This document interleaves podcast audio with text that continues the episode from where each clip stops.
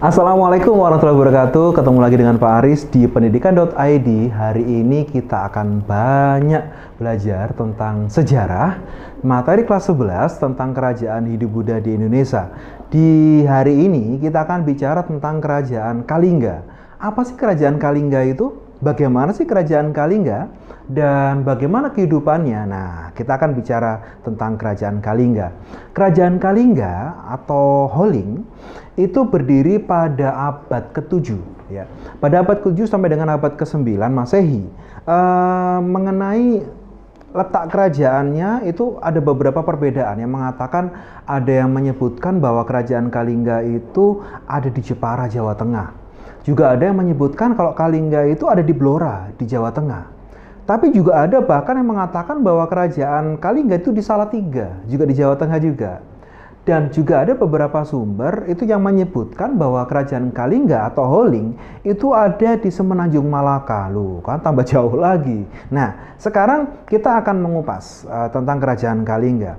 Sumber sejarah yang menyatakan keberadaan kerajaan Kalingga uh, hanya berasal dari berita Cina, yaitu uh, berita pada zaman pemerintahan Raja-Raja Tang. Ya. Disebut juga dengan uh, menurut uh, Tang itu disebutkan bahwa kerajaan Kalingga itu dikenal sebagai kerajaan Holing. Ya. Nah, letaknya berada di Jawa Tengah, uh, tepatnya apa ya? Tidak tidak tidak diketahui tepatnya di mana, cuman ada di Jawa Tengah dan kehidupannya sangat kaya dan di sana itu uh, terdapat sumber air yang yang melimpah dan dikatakan juga dalam berita Cina tersebut sumber air asin. Nah, berarti kalau melihat dari sumber air asin berarti dekat laut kan? Nah, itu. Nah, uh, Holing atau kerajaan Kalingga itu menghasilkan banyak apa ya kulit penyu, terus kemudian uh, juga emas, perak, terus cula badak, gading, dan hak rakyatnya hidup makmur dan tentram. Nah, Menurut berita uh, Cina ini pada dinasti Tang ini dapat diketahui bahwa kerajaan Kalingga memang sebuah kerajaan yang apa ya?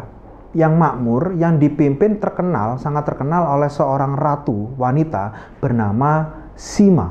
Wah, bernama Sima.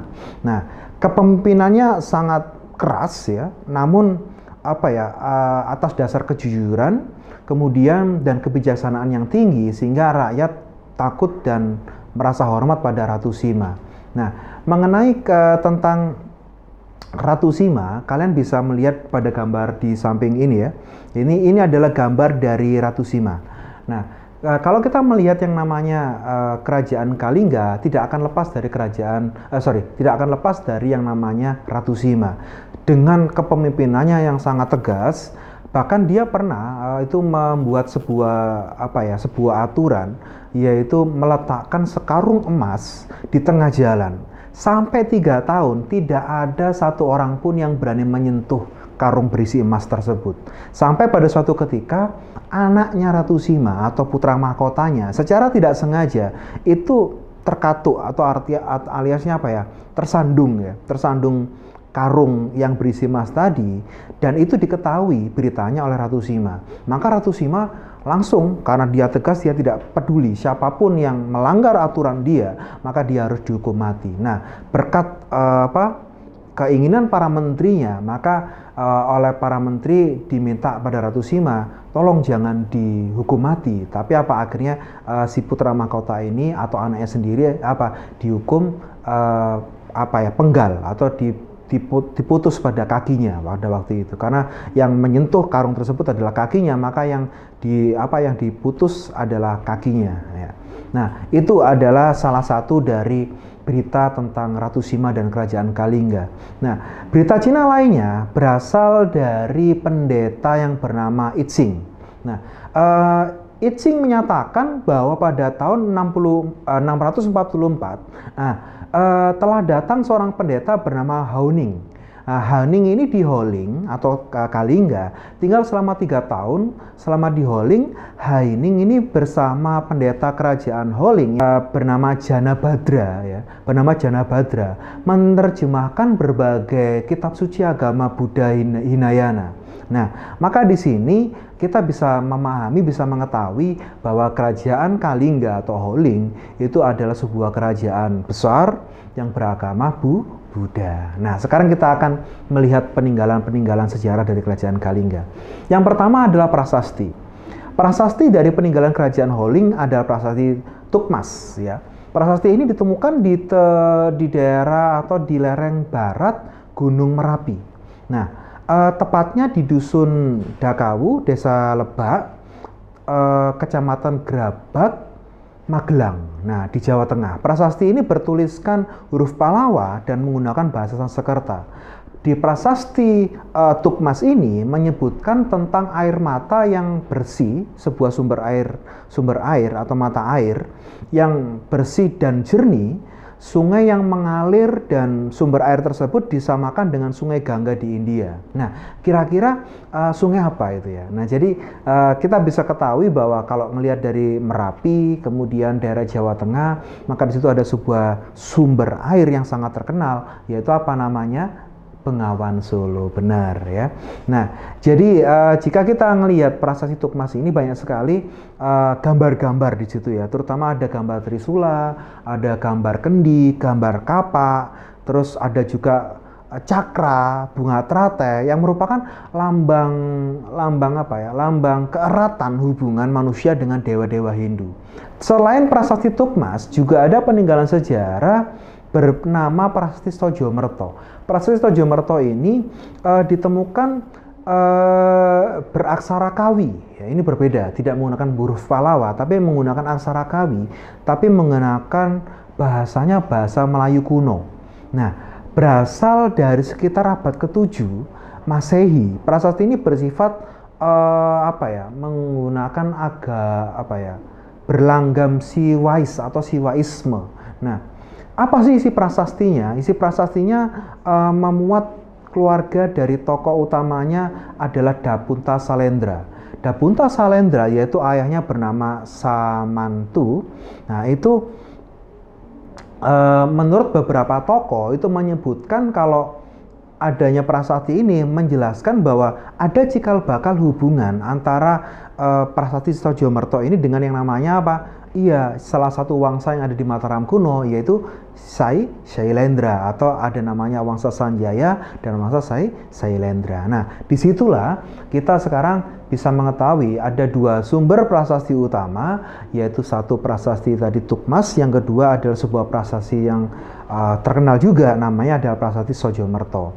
Nah, terus jika kita bicara tentang keagamaan ya, agama yang dianut oleh uh, kerajaan Holing yaitu be dari beberapa penjelasan kalau salah satu sumber yang berbicara tentang keagamaan kerajaan Holing adalah sumber Cina yang berasal dari catatan perjalanan Itsing. Nah, seorang pendeta agama Buddha dari Cina dan kronik dinasti Sung. Dikatakan dari dari apa ya kronik tersebut itu menyebutkan bahwa kerajaan uh, Holing atau kerajaan Kalingga uh, itu menganut sebuah agama yaitu agama Buddha. Agama Buddhanya di sini itu berbeda dengan Buddha yang ada di India yang beraliran Mahayana atau uh, Buddha yang aliran besar. Tapi di sini uh, pendeta Buddha bernama Jana Badra sama Jana Potolo dari dari Cina itu menerjemahkan beberapa kitab sehingga dikatakan bahwa agama dari uh, kerajaan Holing atau Kalingga yaitu beragama Buddha aliran kecil atau Buddha Hina Hinayana ya. Sekarang jika kita akan membahas tentang yang namanya kerajaan Kalingga itu kita akan uh, membahas juga tentang hubungan dengan luar. Nah, hubungan dengan luar dari kerajaan Kalingga pada masa uh, Chen Kuang itu Raja Holing uh, bersama dengan Raja Toholo atau Topek Teng itu menyerahkan upeti ke Cina. Kaisar Cina mengirimkan uh, belasan balasan apa ya? Balasan dari upeti tersebut disebutkan bahwa uh, upeti ini adalah kiriman dari Tolomo. Nah, uh, kiriman dari Holing, sorry bukan Tolomo, dari Holing. Nah, maka di sini uh, menyebut, uh, menyebutkan bahwa hubungan dengan luar yang dilakukan oleh kerajaan uh, Kalingga adalah pernah melakukan hubungan dengan Cina dengan beberapa bukti yaitu terjadi kerjasama atau hubungan dengan kerajaan uh, Cina pada waktu itu. Nah, hari ini kita sudah banyak belajar tentang kerajaan Kalingga atau kerajaan Holing yang dipimpin oleh seorang ratu sangat bijaksana yang sangat keras dengan pendiriannya yaitu Ratu Sima.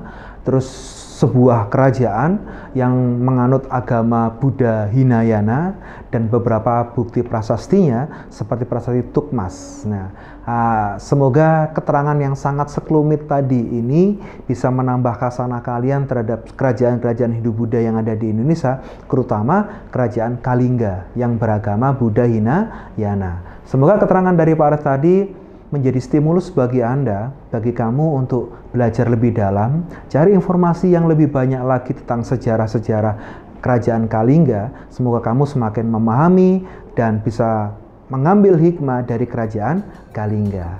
Terus bersama pendidikan.id dengan video-video edukasinya dan tunggu uh, tentang penjelasan kerajaan yang lainnya.